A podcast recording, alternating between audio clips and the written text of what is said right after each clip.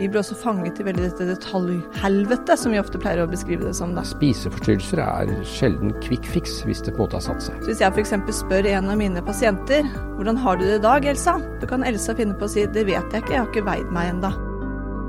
Fagbokpodden er laget i samarbeid med Gyllendal. Det skal handle om eh, fagboken eh, Sult. Mentaliseringsbaserte tilnærminger til spiseforstyrrelser. Begge forfatterne har eh, kommet, både Bente Sommerfelt, som er psykologspesialist og faglig direktør ved Villa Sult, og Finn Skårderud, som er psykiater og professor og direktør ved Villa Sult. Hva er mentalisering? Hvem har lyst til å svare på det først? Jeg kan begynne. Mentalisering er et kanskje vanskelig ord for å si hvor godt har du evnen til å forstå meg, og hvor godt har du evnen til å forstå deg selv, og hvor godt har du evnen til å forstå vårt møte. Okay. Det er altså evnen til å forstå sinn. Eh, og det ligner jo på andre fenomener. F.eks. empati. Jeg tenkte på empati er det. søskenbarnet, eller Mm. det er kanskje et annet ord. Eh, så det ligger både dette i å forstå andre, eh, og det ligger noe med å forstå seg selv.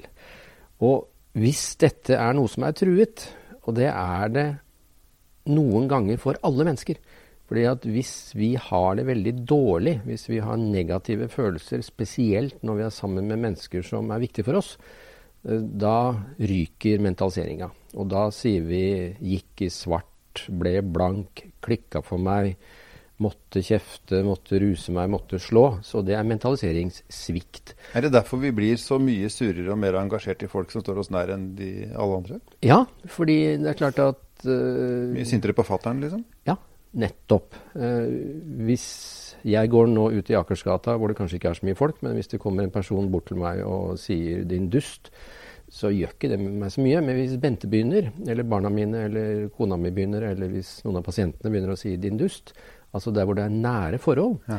der er vi mer følsomme. Men vi er også mer følsomme for positive endringer. Altså når vi lager nære bånd, så er det også større grunnlag for å kunne endre seg bra. Men også for å klappe sammen.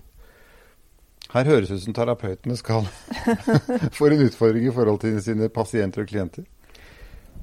Ja, det gjør eh, terapeuter i betydning at eh, f.eks. når vi jobber med spiseforstyrrelser, da kan man jo tenke seg et klassisk bilde for mange er det vi kaller spisevegring anoreksi. Ja. Og de har på en måte kjørt seg fast. Altså mentaliseringsevnen er ofte dårlig. De sitter fast i en voldsom frykt for fedme eller frykt for mat. Eller frykt for endring. Eh, og det er klart at det er jo terapeuters oppgave å ikke bare lage en krangel. Altså hvis hun sier nei, og jeg sier ja, og hun sier nei, og jeg sier jo, og hun sier nei, og jeg sier da må du legges inn, så er det ikke gitt at det er en dialog som fremmer endring. Så det er jo veldig opp til terapeuter at vi lager si, gode møter og lager klima nettopp for å våge å endre seg. Men hvordan Bente Sommerfeld, skal vi da sørge for at man klarer det, da, uten å bare stryke medhårs, som vi lekfolk sier at kanskje mye behandling er? Det ene handler vel om å prøve å forstå hvem vi har å gjøre med. Derfor har vi også brukt mentalisering som et begrep, men også et rammeverk som handler om å beskrive nettopp spiseforstyrrelser. Så hvis jeg f.eks. spør en av mine pasienter hvordan har du det i dag, Elsa, Mm. så kan Elsa finne på å si det vet jeg ikke, jeg har ikke veid meg enda. Det er jo et eksempel på grov mentaliseringssvikt. Og det er viktig for min forståelse å vite hvem jeg har å gjøre med. Altså hva slags type svikter man har. fordi det påvirker også litt hvordan jeg skal møte Elsa, da, f.eks. Og det vi ofte også sier, er jo at kanskje for å hjelpe en del personer med spiseforstyrrelser, så må vi møte dem i det konkrete. Altså hjelpe dem, eh, møte dem i det Ja, konkrete. hva skal du si til. Elsa, da, som sier at eh, nei, jeg vet ikke åssen jeg har det, for jeg har ikke veid meg i dag? Altså, for meg er det en gåte. Ja, det er en gåte som er mulig å forstå, tenker vi da. Så da må vi også tenke at ok, eh, da må vi forsøke å finne ut av dette sammen. Eh, og ikke gå rett i å gå rett på vekt eller gå rett på tall, men vi må også kunne tenke å møte folk med det vi kaller dobbeltsporet, da. Mm. Møte dem både i det konkrete, i det kroppslige, og vi må selvfølgelig jobbe med å få redusert symptomer. Normalisert vekt er én ting, eller redusere undervekt, pleier vi ofte å si. Men samtidig så vil vi også prøve å få personen til å få bedre forståelse av hvem man er, og hva man føler, og hvorfor man føler det. Man vet jo også ofte en del om at hvordan man har det, avhenger veldig av hvem man er sammen med, og hvilken situasjon man er i. Og det preger også vår mentaliseringsevne. Men er det sånn at mennesker som ofte er mest opptatt av å forstå seg selv, og, mener at de virkelig har det største og beste begrepet om alt her i verden, kanskje er lengst unna? Jeg tror det er litt vanskelig å si generelt, men eh, hvis vi holder oss til si, spiseforstyrrelser, så er det jo sånn at eh, mange mennesker med spiseforstyrrelser, si, deres store utfordring, ikke nødvendigvis er å forstå andre. Altså, gitt at det var meg, så kunne jeg kanskje ha en sånn rimelig oversikt over hvordan du har det nå. Mm. Men mange med spiseforstyrrelser har jo problemer spesielt med å kjenne seg selv. Altså, er jeg trøtt? Er jeg sliten? Er jeg glad? Er jeg redd? Og den der store utfordringen deres er at når de ikke vet egentlig hvordan de har det, så tyr de til kroppen. Altså hvis jeg har løpt en mil, da har jeg vært flink. Jeg, så da har jeg det bra? Da har jeg det bra. Har jeg tatt bort sausen, så har jeg kontroll. Nekter jeg å svelge, så opplever jeg mestring. Det er på en måte den store tabben ved spiseforstyrrelser. Altså at indre uro, indre kaos, eh, det som er vanskelig på indre bane, forsøker man å rydde på ytre bane. Trening, kropp, eh, dietter osv. Kontroll. Kontroll, kontroll, kontroll. Og så blir man på en måte fanga i det. Så blir man sittende fast i den fella. Altså, Spiseforstyrrelse er jo ikke primært at du roter med mat. Det er det at tanker og følelser kjører 24 timer i døgnet om mat, vekt, kropp, utseende osv. Det er der fellen er, og på mange måter så er den der indre uroen det mange strever med, som de da forsøker å si, rydde opp. Eh, så mentalisering handler jo litt om ja, kan vi hjelpe deg til å bli litt mer kjent med deg? Er du trist? Er du glad? Er du sint? Når du sier 'vet ikke', hva kan ligge bak 'vet ikke'? Altså, det er et måte å forsøke at ikke vi skal fortelle dem hva som er smart å gjøre, men prøve å få dem til å bli bedre kjent med seg sjøl. Det er liksom hele ideen her. Dette vil ofte være langsiktige prosjekter, fordi at spiseforstyrrelser er sjelden quick fix hvis det på en måte har satt seg. Det, vi ser at dette ofte er bundet i personlighet, i identitet og at bedring kan ta år. Det er noe av det smertefulle ved disse tilstandene. Jeg klarer ikke å dy meg helt, for jeg vet at ganske mange sitter og kjenner noen, eller kanskje har noen nær seg, da, som, som, uh, som er, på en måte fokusert inn i dette. Uh, og da er det fort gjort å si nei, nå må du spise, du veier for lite. Altså kjøre på med fornuft, da. Uh, kan det være feil? Feil, men det er ikke sikkert det er så veldig nyttig. Eh, det er jo ofte det vi pleier å si til både terapeuter og til foreldre og til eh, venner, at vær forsiktig med å gi folk råd når de ikke har bedt om det. Mm. Eh, og det er jo veldig frustrerende å få veldig mange råd hvis man ikke kan klare å følge dem. Og det er ikke for mange med spiseforstyrrelser så enkelt som bare å spise, når maten er problemet. Mm. Men Anders, vi er jo tilhengere av fornuft. Eh, så det kan være helt riktig å si ja, du er for tynn, du må ja, altså spise. For en som ikke har det, så det, høres det i hvert fall veldig fornuftig ut. Ja, men la oss si at vi sier det, da. Ja. Eh, og det er bra. Men det er litt måten man sier det på. Altså Hvis du er en desperat far, eh, og dattera di vegrer maten hver eneste dag, har gjort det de tre siste årene, så kan det jo være at du sier det i raseri. Og det er nok mest sannsynlig lite hensiktsmessig. Klarer man å si det på en rolig måte, så kan det være at dette mennesket Opplever du trygt at noen liksom minner en på, andre setter rammen? Og noen har jo store problemer med å unne seg selv gode ting, bl.a. mat. Mm. Og noen er på en måte nesten avhengig av uh, at noen sier at det er ok, dette skal du ha. Men det følelsesmessige klima er ganske grunnleggende. Uh, så jeg, i denne tradisjonen her så sier vi gjerne smeden smir mens jernet er varmt. Det gjør ikke vi. Vi vil gjerne ha det lunkent. Det må okay. ikke bli opphetet, det må ikke bli konfliktfylt. Det må heller ikke bli for kjølig. altså Det må ikke bli sånn likegyldig. Altså, Den tradisjonen er veldig opptatt av å lage et vi. Hvordan skal vi få til et godt samarbeid? Ikke bare hvordan skal du spise mer, mm. eller tenke annerledes. Eh, og da er det veldig opp til oss å bruke trygghet, bruke interesse, bruke varme, bruke vårt autentisk engasjement, forsøke å, liksom, å, lage et felles prosjekt. Det er ofte det som ryker med spiseforstyrrelser, er at um, vi sitter på hver vår planet og har ikke samme prosjektet. Ja, det er sikkert mange som opplever konflikt rundt den type ting. For det er jo en desperasjon i det også. Så det er jo et menneske som da i ytterste konsekvens sakte og rolig tar sitt eget liv. Det er mye desperasjon. Og jeg tenker at dette er jo også veldig smittsomt. Altså, Finn sa i sted at uh, personer med spiseforstyrrelser ofte er fanget i eh, konkrete eller detaljer.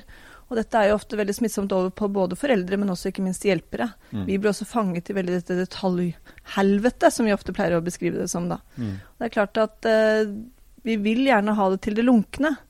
Og det er ikke alltid så enkelt. Så innimellom så må vi også tenke at vi må jobbe med oss selv. Hvordan skal jeg få det til å bli passe lunkent og ikke bli så desperat at jeg ikke klarer å bevare min ro? For dette er jo kjempestrevsomt for foreldre, men ikke minst også for behandlere. Det er jo eh, følsomt med ordet 'smittsomt' i disse dager. Ja, det er jo det. så vi Men det er psykisk smittsomt. Ja, eller altså hvis det er noe som smitter utover selvfølgelig virus og bakterier, så er det jo følelser.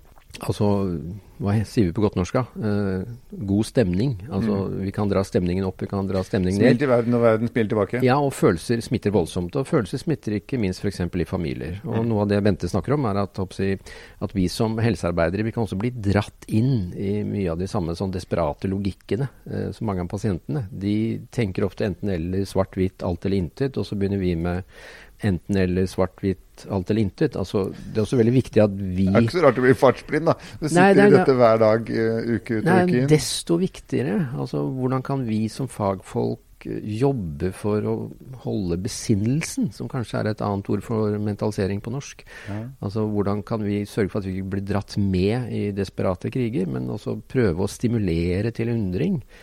Altså, Kjerneordet i en mentaliseringsbasert holdning er jo nysgjerrighet. Altså prøve å vekke nysgjerrighet hvor den har røket for lengst.